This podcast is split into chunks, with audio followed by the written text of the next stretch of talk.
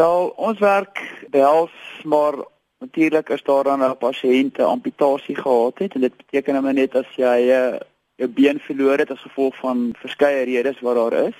En dan kan ons 'n baie lank pad saam met 'n pasiënt stap van die begin tot die einde waar ons dan initieel by die pasiënt sien direk daar die uh, teater waar die stompie dan nou gevorm word en dan pad stap waar daar 'n passing is op die protese en om 'n gedeelte weer loop en tot ons dan nou klaar is met hom dat hy uiteindelik dan eendag 'n been het en volledig kan loop met die protese.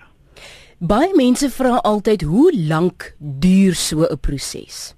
die beste wat dit kan wees as daar 'n span is wat saamwerk. Dit beteken jy en jou dokter en en die fisioterapeut, dan kan ons vir die pasiënt so 3 weke post-op na die amputasie 'n interim protese pas. Dit beteken maar net dit is 'n tydelike protese wat ons op 'n goedkoper manier maak. Die rede is ons wil so gou as moontlik 'n pasiënt op die been hê want dit is natuurlik aan beter vir sy eie gesondheid, dis beter vir sy eie gemoedstoestand en dit bevorder wondgenesing en ook dan begin die stompie weer eens vorm en hy word kleiner in die goedkoper interim protese en daarna begin ons dan met die finale protese. En daardie proses is dan maar gewoonlik so 3 tot 4 afsprake oor 'n 2 weke periode en dan is ons dan nou klaar met die finale protese. Jaco op middag op RSG fokus ons vreeslik op tegnologie. So kan ons gou praat oor sê die afgelope 10 tot 20 jaar.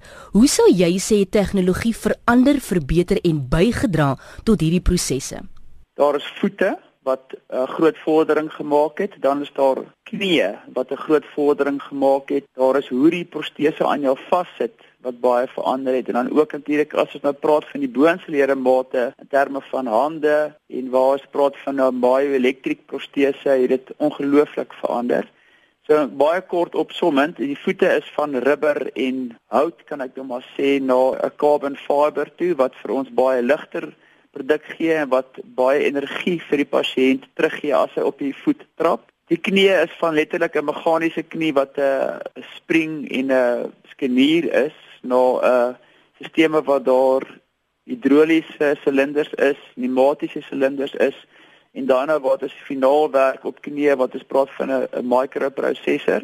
Dit beteken maar net ons konnekteer fisies die knie aan 'n rekenaar en ons kan verstellings maak op die knie soos wat dit nodig is. Die knie leer ook by die pasiënt en dit bied besonderse veiligheid aan die pasiënte wat hy loop rakende afdraandes, ongelyke terrein en dan ook met trappe want 'n uh, 'n boknie protese het jy nie beheer van jou knie nie. Jy het nie meer jou eie knie nie. So daardie tipe knie maak dit vir jou baie makliker en baie meer moontlik om te loop. En dan by die boonselede mate het is daar nou baie elektriese proteses waar daar letterlik 'n sensor in die arm ingebou word en wat elektriese impulse optel en daardie data word omgeskakel na opdrag hier na elektriese motor wat dan die hand sal oop en toemaak of die vingers sal beweeg. So dit drasties verander.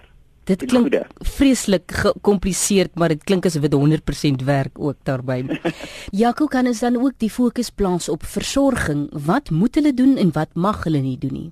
Higiëne speel 'n baie belangrike rol met 'n protese. Hulle moet hom definitief ek vergelyk dit altyd soos met jou om jou skoene aan te trek. Jy trek jou skoen aan, begin in die oggend te trek om uit in die einde van die dag en jy was jou voete. Dis dieselfde met 'n protese. Jy trek hom aan in die oggend, jy trek hom uit in die aand En o, hulle dra byvoorbeeld 'n silicone liner oor hulle um, stompie en daardie liner moet elke liewe dag baie mooi skoon gewas word, want dit is 'n uh, warm en donker plek en dit maak baie maklik 'n goeie plek vir bakterieë en en onaangename reuke. So higiëne speel baie belangrik. Hulle moet definitief nie met hulle protese aangaan slaap nie en hulle moet ba baie mooi daarna omsien. Dit is 'n duur produk, so hulle moet in terme van om dit mooi op te pas en mooi skoon te hou, is dit obviously nou baie baie belangrik.